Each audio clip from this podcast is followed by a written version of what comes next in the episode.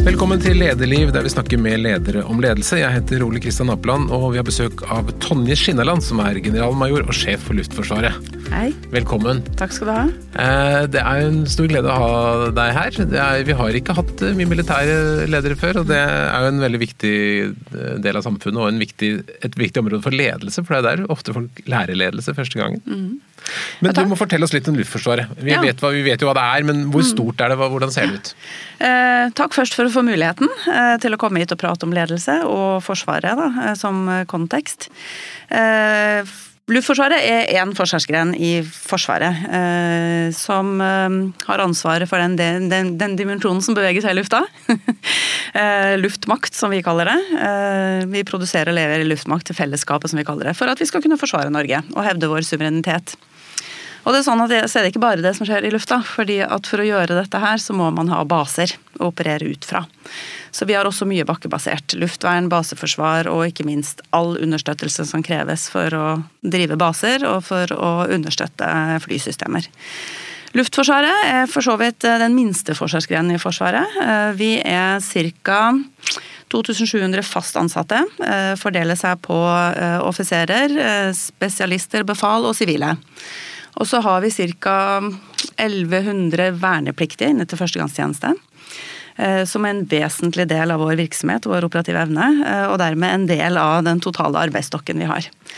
Og med disse menneskene så leverer vi operativ evne eh, og en rekke løpende operasjoner på vegne av, av samfunnet. Vi overvåker lufta vår. Passer på, passer på lufta som omfatter om Norge. Eh, vi hevder vår suverenitet ved at vi har kampfly på beredskap. Så dersom det kommer eh, eh, aktører som beveger seg gjennom lufta, som vi ønsker å identifisere for å markere at vi passer på, så gjør vi det med kampfly. Vi har flere styrker på beredskap, helikopterberedskap, til støtte for både politiet i kontraterror, våre egne spesialstyrker. Vi opererer redningstjenester helikoptertjenesten på vegne av Justisdepartementet. Eh, og så overvåker vi eh, i kraft av eh, å bruke overvåkningsfly for å overvåke havområdene våre og, og bidra til informasjonsinnsamling, så vi har et godt situasjonsbilde over hva som skjer rundt oss. Er det lov å si hvor mange fartøyer eller fly dere har? Og, En gang så oppsummerte jeg jeg tenker aldri sånn totalen, fordi at vi har forskjellige typer fly, flysystemer for forskjellige roller. Jeg nevnte kampfly, vi har overvåkningsfly, vi har helikopter, eh, transportfly. Eh, så jeg har faktisk ikke det eksakte tallet, men sånn 100, ca. rundt 100. Eh, pluss plus minus. Pluss, tror jeg. Mm. Og så har dere kjøpt, da, eller i ferd med å få noen fantastisk flotte nye fly. Mm. Som er veldig kostbare. Ja. Eh, det nye kampflyet vårt eh, altså Kampfly er jo spydspissen i det vi kaller luftmakt. Eh, og kampfly kan brukes til veldig mange roller. Det er nødvendig å ha det for å være slagkraftig. Og dermed en vesentlig del av vår avskrekking. For Forsvaret er jo til for å passe på Norge, forsvare Norge. Og da først og fremst i form av å ha en kapasitet som hindrer noen i å ønske å utfordre oss altså det vi kaller avskrekking. At den er så sterk og kapabel at det blir for kostbart, og de lar være. Og så gjør jo Forsvaret dette ikke alene nasjonalt. Vi, en viktig fundament for vår sikkerhet og forsvarsevne er alliansefellesskapet vi har i Nato. Og også avtaler med andre bilaterale aktører. Kampfly eh, er sentralt i dette. Eh, det er spydspissen på mange sett og vis. Og det nye kampflyet F-35 Eh, det er det mest kapable kampflyet man kan få i verden, eh, som da blir en vesentlig del av vår avskrekking. Eh, bidrar til suverenitetshevdelse på den beredskapen jeg snakka om i stad, som i dag gjør med F-16. Mm. Og også kunne støtte andre styrker i kraft av å levere våpenmakt dersom vi trenger det. Og Norge har bestilt 52 stykker, stemmer det? Det stemmer. Hvor mye koster det per stykk? Åh, jeg er dårlig på tall, altså. Jeg har hørt at det koster ca. 1,4 milliarder, eller sånt i avisen, kan det stemme? og det er jo alt avhengig av hvordan man regner. Ja. Investeringskostnaden per fly er, er man prøver å få det vel rundt Jeg har, egentlig nødig lyst til å si Nei, tall, for da, da, da, tror jeg feil. Det er mange, mange... Da, tror jeg er feil. Men ja. hvert fly koster mye i mm. investering. Mm. Og så er det jo totalkostnaden handler jo også om drift. Eh, så ja, det er voldsomt dyrt, eh, men du vil ikke ha et kapabelt forsvar og en evne til å forsvare oss dersom vi blir utfordra, og den avskrekkingen feila. Eh, men Hva er det som er så bra altså, hva, når man bruker så forferdelig mye penger på fly? Hva er det det kan gjøre for noe? Eh, kampfly og, og F-35 er en multirolleplattform. Har en fantastisk sensorkapasitet, som vi kaller det. Det vil si at de har forskjellige systemer som plukker opp, samler inn informasjon. Eh, og kan prosessere denne informasjonen slik at den blir tilgjengelig og kan brukes av eh, piloten i cockpit og deles med andre. Eh, om det er høyere hovedkvarter eller om det er andre eh, styrker på bakken eller på sjøen. Mm. Det er den ene kapasiteten. Og så har det en evne til det vi kaller altså en stelt-kapasitet, som betyr at du kan du blir ikke usynlig, men det er veldig vanskelig å detektere deg på radar. Derfor så kan du operere eh, langt inn under fiendens radardekning uten å bli oppdaga. Komme nært målet du skal utfordre. Og Det tredje er at den har eh, en evne til å, bære våpen av ulike slag. Eh, slik at du kan påvirke en fiende i å hindre dem å kunne angripe oss. Hmm. Så det, Kombinasjonen av disse eh, evnene er det som er fantastisk med F-35. Det har vært en lang prosess med anskaffelse holdt på i mange mange år. Når er det vi får alle disse flyene? Vi har fått mange allerede. Mm. Vi har faktisk fått halvparten ca. Ja. Eh, vi, eh, vi, får tre i halvåret. Så vi fikk nå den siste leveransen i mai. Og det var opp til 25. Så nå i dag så har vi 18 i Norge. Og så har vi syv i USA, på Luke Air Force Base i Arizona, for utdanning av våre piloter. Så man må læres opp i Amerika? Man må læres opp i Amerika. Eh, så det er antallet i dag, 25 av 52, ca. halvveis. Og så er planen at vi får tre hvert halvår fram til vi har alle. Og når vi har fått alle, hvor er de skal stå hen? Eh, hovedbasen for kampfly eh, kommer til å være Ørland flystasjon i Trøndelag. Fordi det er midt i Norge? Eh, ja, det ble valgt tilbake i, eh, tidligere i prosessen at vi måtte ha en hovedbase. Og det, av ulike årsaker så ble det valgt eh, Ørland som hovedbase. Mm. Og så ble det seinere, i 2012, beslutta at vi trenger en framskutt operasjonsbase for potensielle motstandere og retning vil være fra nord. Mm. Og derfor trenger vi framskutt operasjonsbase som vi også skal operere denne her kampflyberedskapen fra, og den basen vil være Evenes. Så vi skal operere fast kampfly fra Evenes også, for å opprettholde for å holde beredskapen for suverenitet.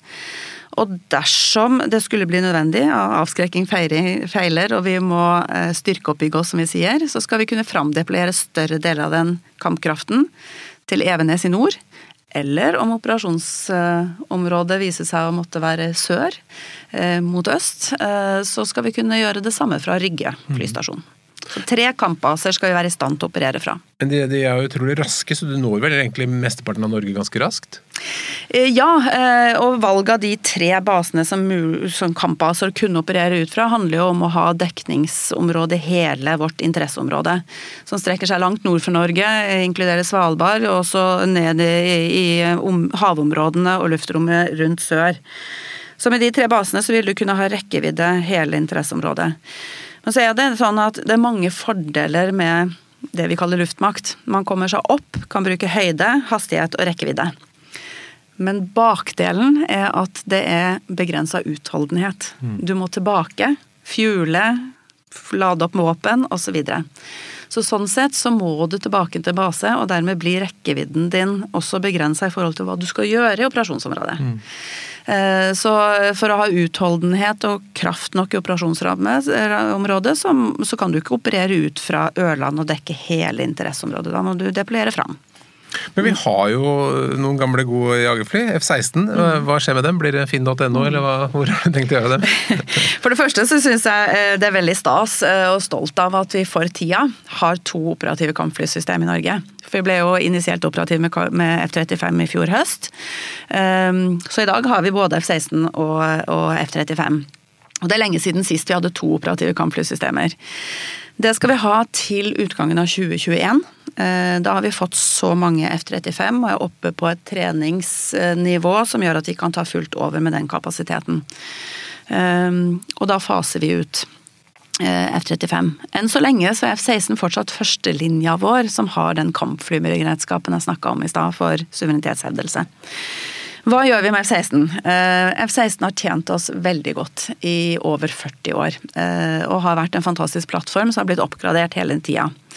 Men så er det sånn med disse her eh, flysystemene, og for så vidt alle typer forsvarsmateriell, de har en begrensa levetid sånn rent strukturelt.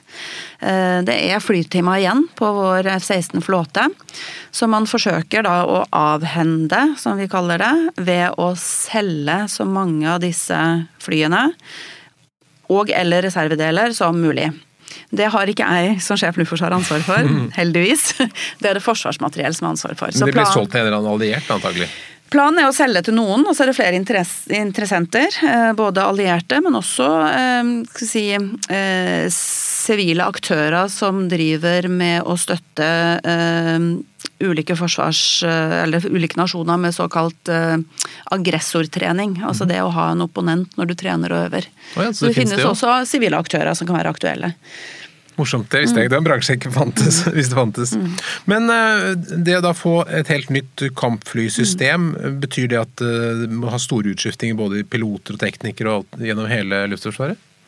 Ja, og så er det ikke bare kampfly. Vi, vi, vi, egentlig så moderniserer vi hele Luftforsvaret. Eh, mer eller mindre. Eh, så vi er i sånn type generasjonsskifte som vi er på kampfly, er vi også på de maritime overvåkningsflyene våre. På redningshelikoptrene våre på eh, de maritime helikoptrene våre. Eh, så det er mange systemer som er nå i modernisering, utskifting. Og så er det sånn at eh, å klare å gjøre det samtidig, ved at du skal levere med de gamle, altså de løpende operasjonene og beredskapen vi har, samtidig som at du må utdanne og konvertere til de nye. Det er en ganske delikat plan i forhold til å få til det med relativt liten personellstyrke, som jeg fortalte om i stad. Eh, så i overgangen med system, disse systemene, med unntak av redningshelikopter, har man bygd en overhøyde for å opprettholde samme beredskap igjennom. På de andre systemene så har man planforutsetningsmessig politisk akseptert at vi går litt ned på leveranse i overgangen. Eh, men den planen er vi eh, midt oppi, eh, og den er veldig finstrikka og mye usikkerhet og risiko knytta til den. Men vi, vi, er på plan, og vi konverterer nå både flygere og teknikere. Motiverer og stimulerer folk til å bli med på nye systemer, til dels fra nye baser. Eh, og så nyutdanner vi eh, en god del. Mm. Så det er en tight plan og utfordrende med det, å få nok folk på riktig tid. Men vi jobber hardt med masse tiltak for å få dette til. Så jeg tror Nå har vi hørt fra, fra, forsvar, fra, forskjellige forsvarsledere at mm. Forsvaret har for lite ressurser, ikke for mm. penger. Men det virker som Luftforsvaret har kommet rimelig godt ut av det budsjettmessige? da? I forhold til investering, så er det jo i og med at jeg snakker om den to, nesten totalmoderniseringa, så, så er det mange, eh, mye penger som har gått eh, jeg skal ikke si Luftforsvaret, men i, for å styrke luftmakten mm. på vegne av fellesskapet. Mm. Vi gjør ikke dette for Luftforsvaret, vi gjør det for Forsvaret av Norge. Så investeringsmessig så har det gått mye eh, til Luftforsvaret, og dermed også det å dyre systemer å drifte. Eh, samtidig så er det eh, slik at for å få full effekt, så må du ha nok personell med riktig kompetanse. Du må ha vedlikeholds- og logistikksystemer som, er, som understøtter disse. Og vi kan operere fra baser som er både understøttbare og beskytta. Eh, så ja, det har gått mye vår vei, men det er mange utfordringer igjen som, som det trengs mer ressurser til, også i Luftforsvaret. Så min hovedbekymring er jo eh, å ha nok personell og kompetanse. Vi må snakke litt mer om det, men, men mm. først har jeg lyst til å lure på, eller høre hvordan, mm. hvordan havnet du i denne jobben? Altså, det var vel kanskje ikke det du tenkte da du var liten, at når jeg blir stor så skal jeg bli sjef for Luftforsvaret? Nei, det kan jeg vel garantere. at Når jeg var liten så tenkte jeg overhodet ikke i den retning. Eh, men når jeg var ferdig med videregående, så skulle man jo gjøre sitt initielle valg for hvor man går videre. Og veien min inn til Forsvaret var vel for så vidt uh, like tilfeldig som for mange andre. Det var ikke Top Gun? Uh, nei, det, ja, jeg skal ikke si jo da. Uh, hvis jeg tenker meg om, uh, så var det nok litt Top Gun. For jeg hadde en, en drøm om å bli flyver. Ja. Den var ikke en sånn barndomsdrøm, den ble initiert på et tidspunkt, og ja, kanskje det var Top Gun. Egentlig litt før det. Så jeg søkte flyskolen, kom ikke inn. Og så gikk jeg rett over på befalsskole.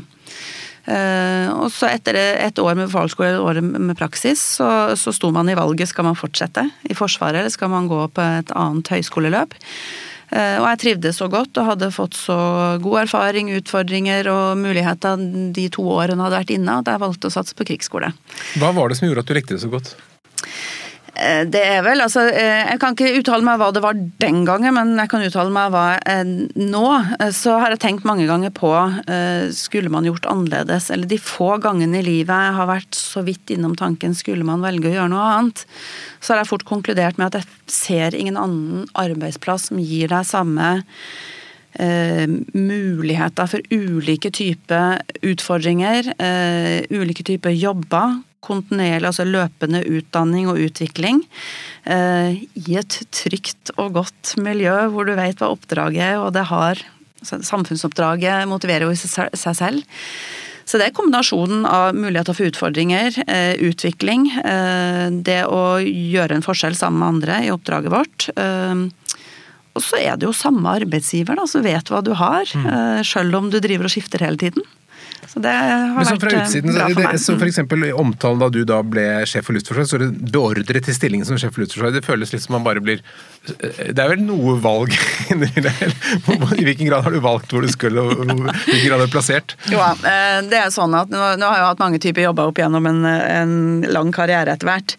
Og i systemet vårt er det jo sånn at når man skifter jobb, Helt i starten så er det beordringssystem. Eh, man kan i prinsippet bli plassert. I praksis, og etter hvert så går man over på et disponeringssystem som gjør at man søker.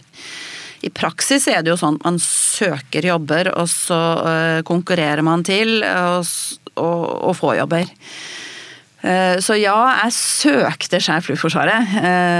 Nå var det sånn at jeg satt midlertidig og fungerte i jobben. Fordi at min som, Jeg var egentlig NK-Luftforsvaret. Eh, og min sjef han gikk dessverre brått bort i kreft.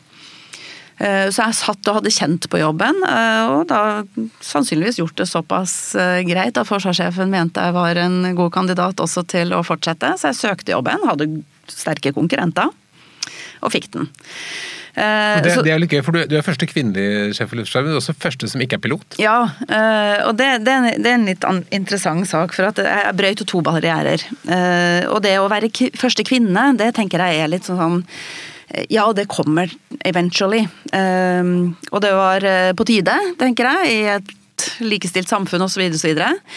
Men det å bryte den andre barrieren, ikke være pilot, er faktisk en mye større og kulturelt dyp barriere. Ja, det eh, og det er jo ikke bare i Norge, det er jo i hele verden. Av naturlige grunner. Ja, eh, du er den eneste i verden, er du ikke det, som ikke er pilot? Luftforsvarssjef, ja. Mm. Mm, det er Så det, det er veldig naturlig. Og eneste kvinne antagelig også? Eller? Eneste kvinne også i verden? Som luftforsvarssjef? Ja, det, det tenker jeg også. Ja. så gøy. ja, det, så, det, så, det, er jo naturlig at uh, Luftforsvaret handler jo om uh, i hovedsak flysystemer, selv om jeg snakker om vi har mye bakkeoperativt også. Så det er naturlig at på en måte hovedtyngden av en organisasjon, det er der sjefene i hovedsak uh, rekrutteres fra. Men det som er bra, og som er veldig glad for å kunne bryte den barrieren, er at det er så mye mer. Og en organisasjon er sammensatt av altså ulike typer funksjoner og må ivareta helheten.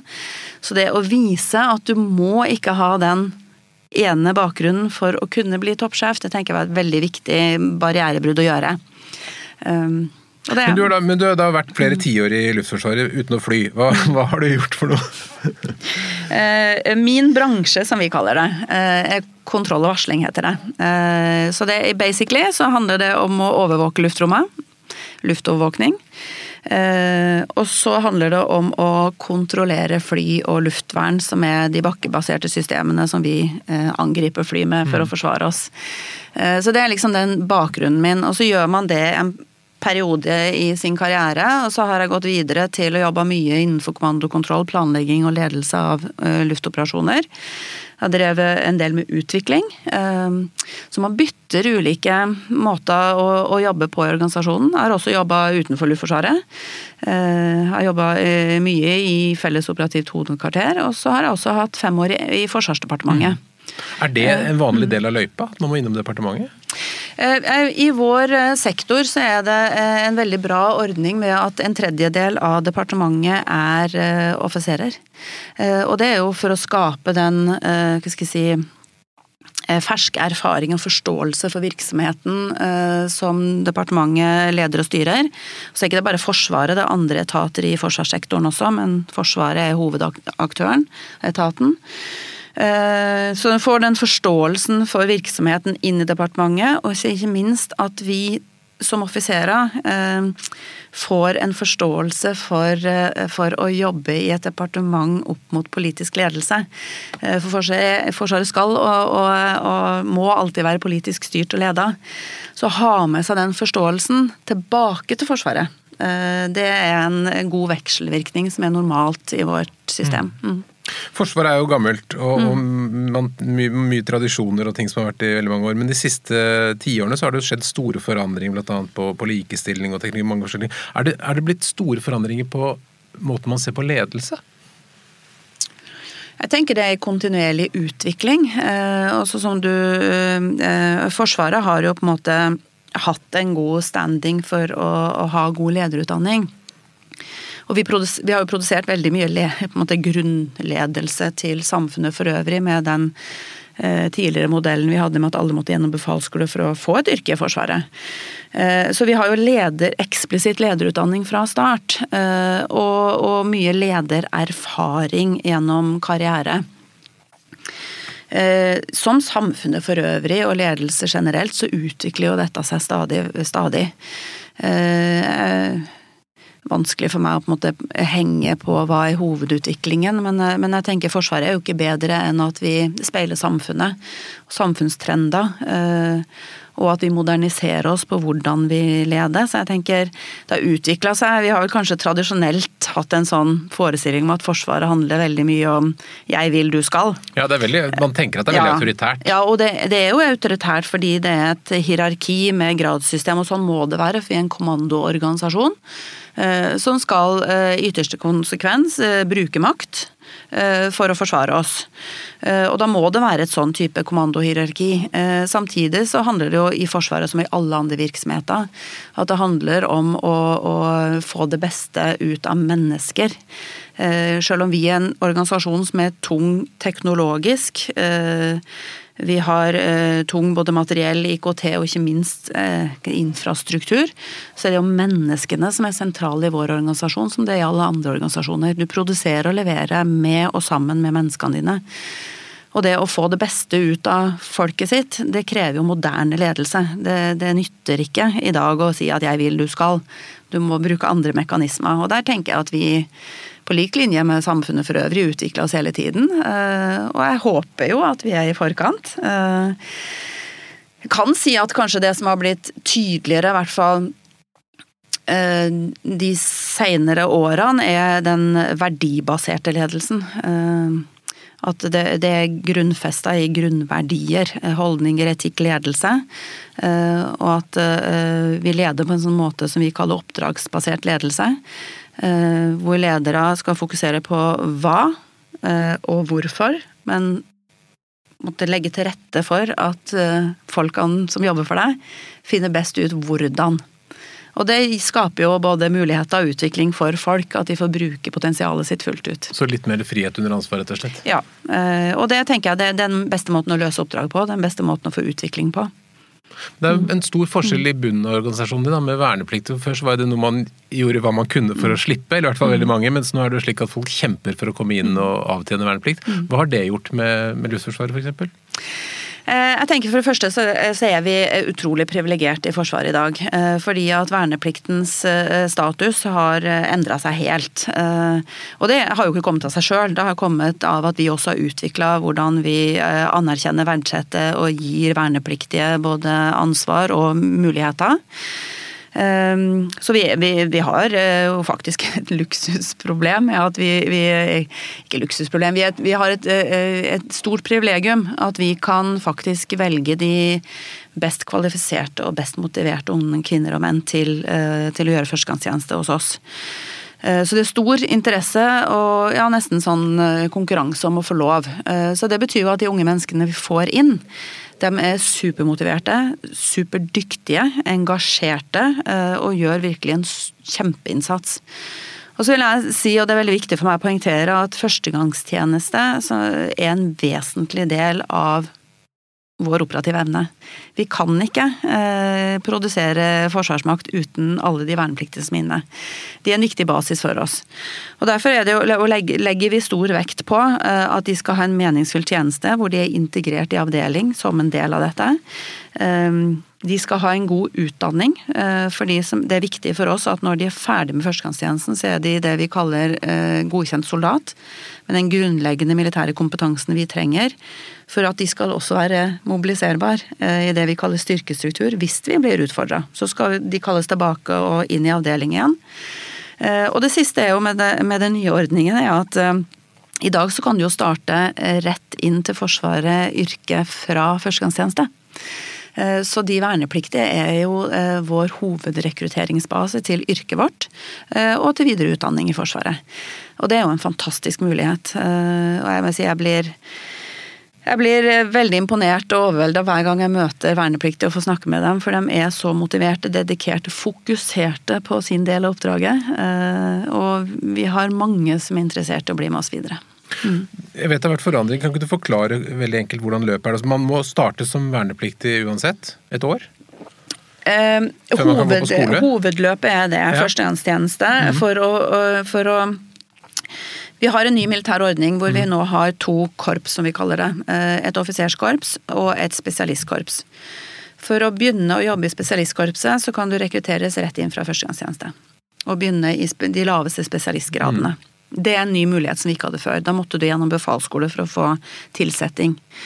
For å gå krigsskole, så kan du fortsatt Da kan du faktisk i dag søke direkte fra videregående skole ah, ja. inn på krigsskole. Mm -hmm. Søkerantallet fra førstegangstjenesten og inn på krigsskole er også veldig høyt. Eller folk som har tjenestegjort noen år og ønsker å ta en offisersutdanning. Men har du befalsskole mellom deg før krigsskole?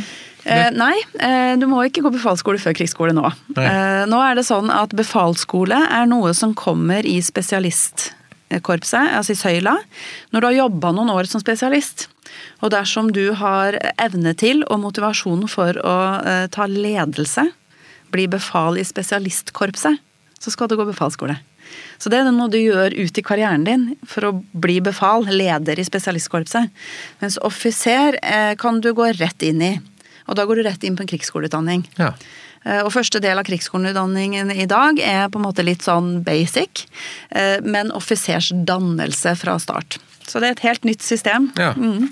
Og de eh, verneplikter du tar inn, hvor stor andel er kvinner? Det er jo fantastisk bra. Etter at vi innførte den eh, allmenne verneplikten, eh, så har andelen kvinner inn til førstegangstjeneste steget hvert eneste år. Eh, og jeg var forrige uke og utek, avslutta det rekruttskoleinntaket som vi tok inn i, tok i koronaepidemistarten. Og der var det ca. 40% jenter i luft, luftdelen. Er vi da i, i verdenstoppen på dette? Ja, og når det gjelder uh, førstegangstjeneste, så er jo ikke alle andre nasjoner som har uh, rett, altså først, sånn verneplikt som vi mm. har. Men i det lavere sjiktet av organisasjonen, med sånne antall inn i førstegangstjeneste, så tenker jeg vi nok er verdensledende. Og så er nok bildet dessverre veldig annerledes når vi snakker om yrkeforsvaret. Ja. Fordi at kvinneandelen i Forsvaret er fortsatt altfor lav. Tror vi ligger sånn samla, hva disse tallene igjen, da. Mm. Sånn samla sett på rundt 13% militære. Ehm, og førstegangstjenesten drar jo veldig opp, men det betyr jo at eh, innenfor eh, fast ansatte spesialister og offiserer så er andelen fortsatt eh, lav. Og gjennom hele min karriere så har vi jo hatt målretta arbeid og innsats for å øke den andelen. Går veldig sakte oppover. Allmenn verneplikt har gjort en stor forskjell, men vi har en vei å gå. Mm. Og vi er langt fra verdensledende på kvinneandel i Forsvaret som sådan. Mm. Men hva har det gjort med Forsvaret totalt sett at det er mer likestilt? Jeg tenker at eh, det er veldig bra for Forsvaret. Eh, det betyr at eh, vi trenger jo de, de dyktigste menneskene, de dyktigste hodene, de motiverte menneskene. Og det at du rekrutterer fra 100% av befolkningen istedenfor 50, det, det, løfter jo nivået totalt sett. Det er den ene dimensjonen, og kanskje den viktigste. Den andre dimensjonen er at vi, vi da får ulike perspektiver inn i organisasjonen. Vi blir mer naturlig arbeidsmiljø, hvor hvor eh, kvinner og menn og alle på en måte eh, andre kategorier Det høres ut som vi har flere kjønn, det har vi jo ikke. Men det er ulike både etnisitet, religiøs bakgrunn, legning. Mm. At folk har ulike perspektiv, avhengig av hvor du kommer fra. Kjønnsdimensjon er én. Og det at vi har mangfold i organisasjonen vår, hvor vi har en mer naturlig sammensetning, så får også mangfoldet kommer mer til sin rett. Mm. Hvis du er en minoritet, så blir du Eh, jeg vil ikke kalle det undertrykt, men, eh, men, det blir sånn eh, strukturelt organisatorisk. Du, du får ikke brakt perspektivet eller potensialet fullt ut, for du mm. tilpasser deg. Og det er det forskning på. Det må være 20 og over for at det skal være en naturlig del og dermed få fullt potensial. Så jeg tenker at det er kjempeviktig å fortsatt jobbe for økt kvinneandel, og det er jo en målsetting vi har. Og så handler jo det først og fremst om å både rekruttere, appellere og motivere for. Eh, og ikke minst hvordan vi beholder eh, kvinnene i yrket. Mm. Mm. De unge som kommer inn, da, hva er det som motiverer dem? Hvorfor er det attraktivt å være i Forsvaret? Tror det har med at omdømmet har blitt uh, mye bedre gjennom at uh, vi gir en, en, god og meningsfull tjeneste. De får uh, utdanning og utvikling ved å være til førstegangstjeneste. Vi har andelen som er fornøyde, er veldig, veldig høy. Faktisk høyere hos kvinner enn hos menn. Uh, så, så det, vi har et godt omdømme, da. Eh, og så går det jo selvfølgelig på folkemunne at det er et eh, interessant og spennende år hvor de både lærer og utvikler seg mye. Eh, er del av noe større seg sjøl. Opplever betydningen av det å være en del av Forsvaret, og ikke minst, jeg tror også det å lære seg å jobbe tett i team. Akseptere hverandre, se hvordan du kan få løst oppgaver ved å bruke teamet. Eh, så jeg tror opplevelsen og erfaringene er overveldende positive, og det bidrar jo til at flere ønsker å gjøre det. Og så er det jo fortsatt en standing, tenker jeg, i arbeidslivet videre, at man har gjort militærtjeneste. Eh, så jeg tenker at ja, det er en kombinasjon av mm. at eh, omdømmet er høyt, og, og de er fornøyde. De har en god førstegangstjeneste. Gjennom alle de tingene du har gjort da, i, i Luftforsvaret og innom departementet, osv., hva, hva er det som du, er det enkelte hendelser som i særlig grad har formet uh, ditt lederskap? Jeg har vanskelig for å henge det på én eller enkelthendelser. Jeg tror summen av det handler jo om at uh, det er jo summen av erfaringer og ulike erfaringer man har gjort seg i ulike jobber. Uh, men vi, er, vi, Forsvaret er jo en organisasjon som som eh, si, en kriseorganisasjon eh, som øver og trener på å håndtere kriser som, som hovedoppdraget vårt å unngå at det skal skje. Men dersom det skjer, så skal vi være forberedt. Eh, og vi driver med høyrisikovirksomhet, som gjør at vi skal være forberedt på kriser og i stand til å håndtere de. Så tenker jeg at de krisene man har vært igjennom, om små eller store I kriser så kommer det beste i oss fram. Og det blir også veldig åpenbart hva som ikke fungerer bra. Så jeg tenker ulike typer kriser er vel kanskje det som former seg eksplisitt eh, mest. Og da kan jeg nevne eh, små og store. Det er jo alltid eh, slik at dersom det skjer noe på arbeidsplassen som, som har konsekvenser for enkeltpersoner, så er jo det på en måte de det er krise, det også. Men store krisene, når jeg jobba i departementet, så hadde vi jo 22. juli. Jeg hadde da ansvaret for en seksjon i departementet som har ansvar for eh, nasjonal krisehåndtering, beredskap og samfunns sivilt militært samarbeid. Eh, så jeg var ikke på jobb når det skjedde, men jeg skjønte med en gang at her får jeg mye i oppfølging. Mm. Så jeg jobba veldig mye med den krisen i oppfølgingsarbeidet fra departementet sin side. Så det var nok formende på sett og vis i forhold til å måtte skjerpe både perspektivet og Eh, forbedringspotensialet som, som, ligger i organisasjonen. Og Etter 22. juli så var det jo en diskusjon nettopp om forholdet mellom sivilt og militært. og, og sånn. Ble, det noen endringer?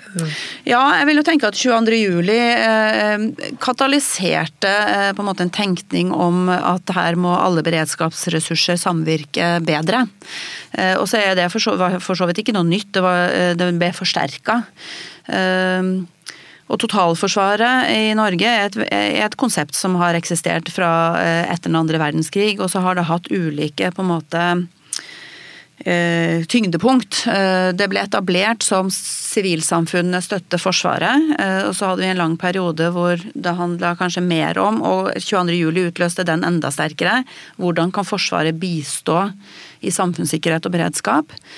Eh, og så fikk vi et nytt pendelutslag igjen i forhold til at sikkerhetssituasjonen rundt oss eh, endres. Eh, stormaktsrivaliseringen blir tydeligere. Vi fikk invasjonen av Krim og urolighetene i Ukraina, og så har det liksom bare forsterka forsterka seg at vi lever i en verden som er uforutsigbar, og, og det er store, store, aktører som har motsetningsforhold mot, mot seg. Så nå har vi dreia mer over mot ikke tilbake til at sivilsamfunnet bare skal støtte Forsvaret, men hvordan skal vi sikre oss at vi har totalberedskapen? Tror du det ville sett annerledes ut hvis det samme skjedde i dag? 22. juli? Ja. Jeg tenker, at vi ville være, ja, jeg tenker at vi har eh, forbedra oss i forhold til eh, både hvordan planverket er bedre skrudd sammen, hvordan vi har øvd og trent sammen i små og store øvelser. Eh, og hvordan mentaliteten er at det her handler det om å trekke kreftene sammen og så skal være tydelige på hva slags type krise det er og hvem som står i lid. Vi står jo i en sånn type krise i dag også, med pandemien hvor eh, helsemyndighetene står i lead, eh, og mange andre aktører eh, er helt avgjørende. Og Forsvaret er i en sånn bistandsstøtterolle. Mens vi har også refokusert veldig mye de siste årene mot at samfunnet må være forberedt på at det er ikke sikkert at vi lever i fred og fordragelighet. De kan bli utfordra.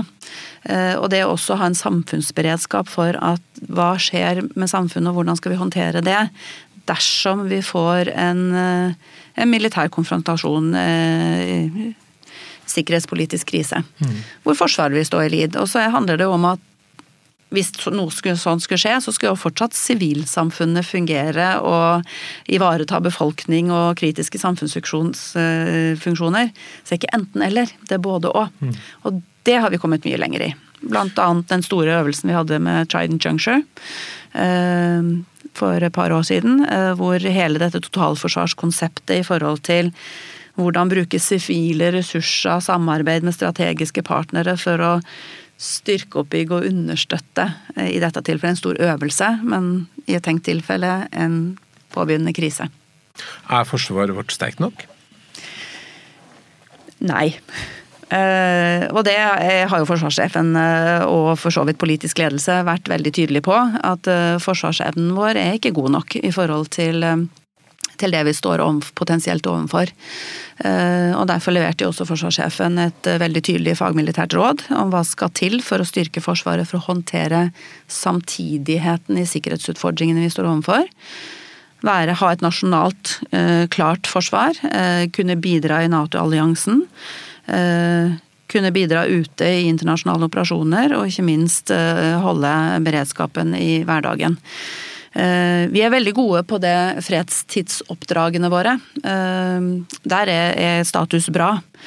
Men eh, full evne til å virkelig styrke og bygge for å forsvare landet, der er det mange, mange mangler. Mm. Som er åpent i dag, og det er behov for å styrke Forsvaret. Jeg har inntrykk at det er en del debatt og, og, kritikk og meninger rundt forsvarsevnen vår og hvordan Forsvaret skal utvikles, men at det er et ganske lite uh, en liten gruppe av befolkningen som diskuterer dette. Det kommer liksom ikke høyt opp i valgkampene og osv. Er, er det for få som egentlig bryr seg om Forsvaret? Mm.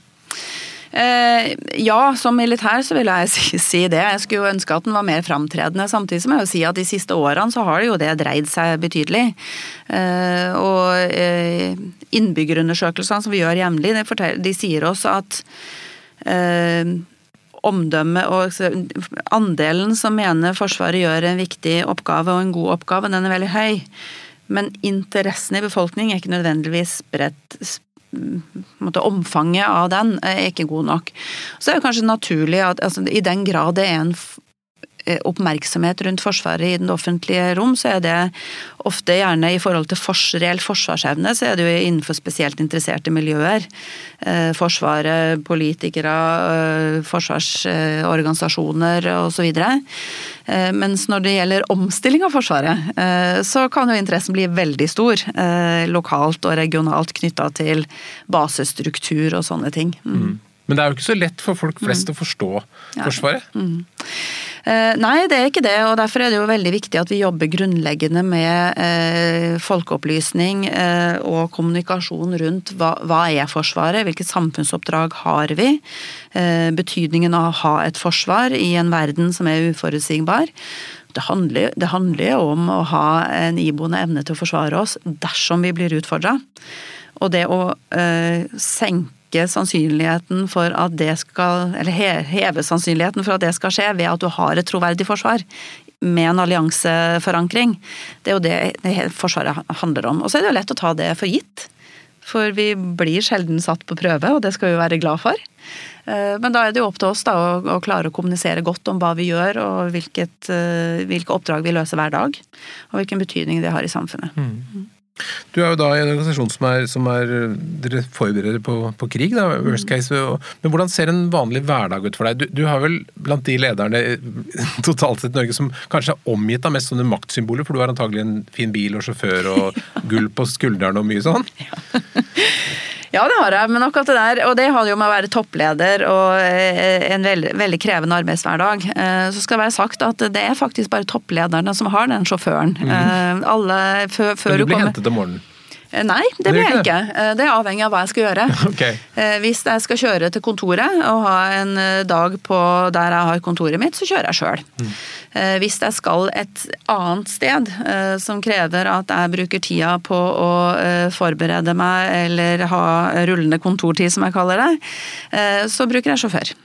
Så sånn sett så er det både òg. Og når du kommer et sted, så går alle opp i rett og har vært litt redd og engstelig før du kommer og sånn? Eh, vi har, eh, vi har eh, på en måte symbolikk og tradisjoner for hvordan vi møter hverandre. Det har mer med respekt å gjøre, å opprettholde skal si, tradisjonelle hierarki osv. Vi er heldigvis forbi det at det handler så mye om frykt å gjøre. Det er, men det er viktig å holde tradisjoner og, og symbolikk og måten vi opptrer overfor hverandre med respekt, i hevd. Fordi at den dagen det virkelig gjelder, så må dette komme helt til sin rett. Da, da, må det bli 'jeg vil, du skal'.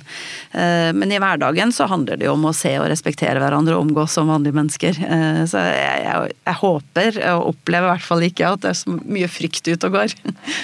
Men det er langt fra sånn halvårssjef og fornavn og sånn, det er en formell tone? Ja, men det er jo også eh, avhengig av kontekst. Jeg har en veldig omlengelig og vennskapelig tone med de som jobber nært på meg. Det må man jo ha, for man skal fungere som et team. Eh, overfor mine sjefer så er det jo kollegialt. Eh, vennskap og, og, og samarbeid. Men er vi i en kontekst hvor det, virkelig, hvor, hvor det er viktig å markere at her er sjef, så, så, er det helt naturlig for oss hvordan vi hilser på hverandre i én setting kontra en annen setting. Mm. Så jeg kommer og besøker en avdeling, så vil alltid sjefen møte meg. Eh, med, med salutt og kanskje oppstilling osv. Og, så eh, og formaliteter i starten, og så går vi over i en mer jovial tone. Mens møtes vi mm, i sjefskollegiet, så er vi jo kollegaer. Mm. Så det, det, det, balanseres helt naturlig ut av kontekst, tenker jeg. Mm. Og så er det viktig at vi har dette for de som kommer inn i Forsvaret. De skal jo lære dette, skal ligge sitte i ryggmargen. At du faktisk kan uh, gjøre det som er hensiktsmessig i rette kontekst. Så den gamle, litt sånn autoritære militære stilen, den er nødvendig for å kunne fungere i en krise? Eh, I situasjoner som krever det, ja. Eh, og så vil det også i en krise være sånn at det er situasjonsbestemt lederskap. Eh, er også en sånn grunntese hos oss. At man bruker det, den type ledelse, lederskap, som kreves i situasjonen. Så det kan man veksle inn og ut av også. Mm. Men hvis du har dårlig tid og det er krise og det tas beslutninger raskt, så må du være tydelig og klar. Og det ligger jo i grunnopplæringen vår å kunne være. Nå er det lenge siden du hadde grunnopplæring. Hvordan mm. utvikler du deg videre som, som, leder? Har du noen form for eh, grep for å bli en bedre leder? Mm. Eh, vi er jo privilegerte i Forsvaret at vi eh, på sett og vis har en, en livslang læring ved at vi Jeg har jo gått utdanning av ulike kategorier opp gjennom min militære karriere. Eh, og det med ledelse er jo en del av utdanninga vårt. Og så er det sånn at vi eh, har også gått på lederutviklingsprogrammer i regi av Forsvaret og også utenfor Forsvaret vært forsvarsrepresentant. Vi har også et veldig godt mentorprogram som bidrar til selvrefleksjon og sparring på ledelse. Der har jeg både vært adept og mentor i flere runder. Og så er det sånn at eh, vi også, ikke nødvendigvis i hverdagen, men uh, f.eks. i sjefskollegiet, eh, også legger vekt på å sette av tid til å snakke om ledelse og lederskap og reflektere rundt dette sammen. Så sånn sett så opplever jeg at det, det gjennom en rekke år og ulike programmer og tilnærming, og at det er en naturlig del av Forsvarets virksomhet å snakke om ledelse, snakke om lederskap. Eh, så utvikler man seg hele tida. Og så er min erfaring at det er jo gjennom egenrefleksjon refleksjon at du plasserer deg i situasjoner hvor du deler refleksjoner og får lytte på andres refleksjoner, så utvikler du deg også som ledelse. Og den største lederutviklingen handler jo om å gjøre jobben. Å være leder og erfare gjennom både hva du lykkes med og hva du kanskje Eh, erfare at du må gjøre annerledes. Mm. Du sa du har erfaring med mentoring. Hva, hva skal mm. til? Hva er hemmeligheten bak et, liksom et godt adept mentorforhold?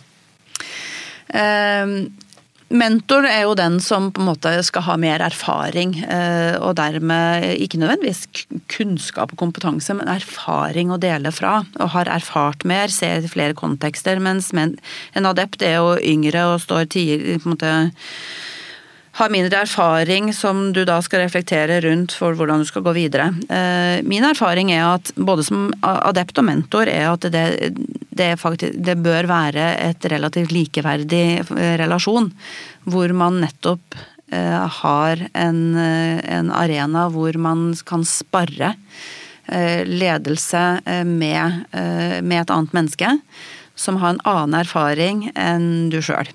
Og det tenker jeg det å være åpen eh, for andres erfaringer, refleksjoner. Eh, ikke fortelle hvordan det skal være, eh, men rett og slett ha en, en felles refleksjon om hvor, hvor erkjennelsen egentlig kommer selv. Gjennom dialogen. Det er vel kanskje essensen i det. Det er åpenbart bra å ha en god mentor, men det å være mentor er kanskje lærerikt det også? Veldig lærerikt. og Jeg må si at eh, jeg hadde veldig glede av når jeg var adept og hadde en veldig god eh, mentor. Eh, men jeg har lært like mye av å være mentor. Fordi det gir deg som leder mulighet Altså du, du får en timeout. Eh, hvor du setter deg, du tvinges til å selvreflektere. Du setter deg ned med et annet menneske som du skal bidra til eh, å utvikle, men gjennom det så reflekterer du og utvikler deg sjøl. Så jeg har hatt veldig glede av å være mentor. Eh, og så har jeg veldig stor tro på at det mentorprogrammet vi har, det over tid da, utvikler bedre ledere som vi da i organisasjonen får nytte av. På alle nivå. Vi snakket om at uh, dere nå får masse nytt utstyr og det er mye bra folk. Sånn, står Luftforsvaret foran en uh, gullalder? Eh, ja, mange vil jo si det. Bare det, bare det, det som er vedtatt av modernisering. Så er det klart vi er privilegerte. Vi får veldig mye ny, ny teknologi. Det blir satt en, en langsiktig målsetning om hvor vi skal operere fra. Få etablert det mer grunnleggende system rundt basene våre, understøttelse osv. Eh, og så er det sånn at effekten og resultatene av dette får du først når det er nok eh, driftsmidler til at du får ansatt personell med riktig kompetanse, eh, har vedlikehold og understøttelse osv. Så, så, så ja, det er en gullalder i forhold til at det skjer veldig mye positiv og viktig, riktig utvikling. Men full effekt krever fortsatt mye arbeid og prioriteringer også i vår retning. Mm. Og så er jo det selvfølgelig for Forsvaret totalt så er det jo å balansere og prioritere, fordi at uh, luftmakt er bare én komponent av dette. Uh, forsvarsevne er summen og samvirket av både land, sjø, spesialstyrker, cyberdomene, uh, ja, Heimevernet, hele, hele, pakka. Det er det som gir oss forsvarsevne. Og da må man jo ha den riktige balanseringen og prioriteringen. Hva blir den største utfordringen for deg for å få dette til å fungere? Ehm, det å, å, i min rolle nå som sjef Luftforsvaret, bidra inn i fellesskapet med å argumentere for hva vi har behov for. Det er jo den ene biten i forhold til utvikling. Den andre biten er jo å forvalte de ressursene vi har, eh, slik at vi får mest mulig effekt av det vi har. Eh, I Luftforsvaret og i samvirke, samarbeid med de andre eh, som vi skal samarbeide med. Her Sjøluft, FS osv. Og, så og ikke minst de som vi er avhengig av for å støtte oss. Eh, så det, det, handler om fellesoperasjoner, det handler om samvirke på tvers, og, og, hvordan kan du få mer ut av å se ting i sammenheng. Eh, og det er min oppgave som sjef Luftforsvaret, og selvfølgelig lede og utvikle Luftforsvaret, men jeg kan ikke gjøre det i isolasjon. Det blir ikke noe godt luftforsvar. Vi må gjøre det sammen med de andre helhetlige forsvarskonsept. Hvis det kommer en ung person til deg, kanskje en mm. vernepliktig som har møtt opp uh, første dag, mm. og sier at uh, skal bli sånn leder som deg, skal bli mm. sjef, mm. hva er de tre beste lederrådene du vil gi? Hvis jeg skal si det til en ung person, så handler det om å ta de utfordringene som byr seg. Ikke være altfor fokusert på hva du skal gjøre i neste ledd. Fordi at det handler alltid om å gjøre en best mulig jobb der du er. Gjør du en god jobb der du er, så skaper du deg kompetanse og erfaring som gjør deg konkurransedyktig og i stand til å gjøre neste nivå. Er du for fokusert på at du skal hele veien, så lykkes du ikke der du er. Så det vil jeg si til unge mennesker. Ta mm. utfordringene, utvikle deg underveis og fokuser på å gjøre en god jobb eh, sammen med de menneskene du, eh, du eh, opererer med der du er. Hvis jeg skal det mer sånn generelt ledelse eh, nå, nå, er jo jeg toppleder, og et Initielt i ledelse så handler det jo om å lede mindre team og være nærmere mennesker. Når du er toppleder, så leder man jo gjennom andre sjefer. Og da handler det jo mer om andre mekanismer, som å sette visjon, eh, mål, eh, kommunisere hvor vi skal, eh, skape tro og mening og motivasjon for det. Sørge for at vi gjennomfører for å nå de resultat med den effekten vi skal ha for å løse oppdrag og utvikle oss. Eh, unisont på alle nivå så handler det om å bygge gode team. Eh, en sjef er ikke bedre enn teamet sitt. Eh, du lykkes aldri alene, du lykkes sammen med andre. Og team det faktisk kan også være en forkortelse for et lite ordspråk som jeg er veldig glad i. Det, det kan stå for 'Together everybody achieves more'. Og det har jeg veldig tro på. Eh, innad i teamet ditt, på tvers med andre osv. Så, videre. så det å fokusere på team. Eh, og så vil jeg si at det å anerkjenne Det ligger utrolig mye kraft i det å anerkjenne, se og anerkjenne mennesker. Um, og så er det selvfølgelig å kombinere med forventninger uh, osv. Uh, til syvende og sist handler det om å jobbe hardt uh, for å oppnå de resultatene og det du skal på vegne av organisasjonen din. Det var en fin avslutning. Tusen takk for at du kom til Lederliv, Tonje Kinneland. Takk. Lederliv er en podkast fra Apeland. Redaksjonen består av Ellen Paulsen, Lars Jarle Lars Volden og meg, som heter Ole Kristian Apeland. Hvis du vil høre mer, så trykk abonner. Da får du varsel når det kommer nye episoder. Og hvis du har noen tips, så send en e-post til tips at lederliv eller til meg, ole at apeland.no. Takk for at du lytter.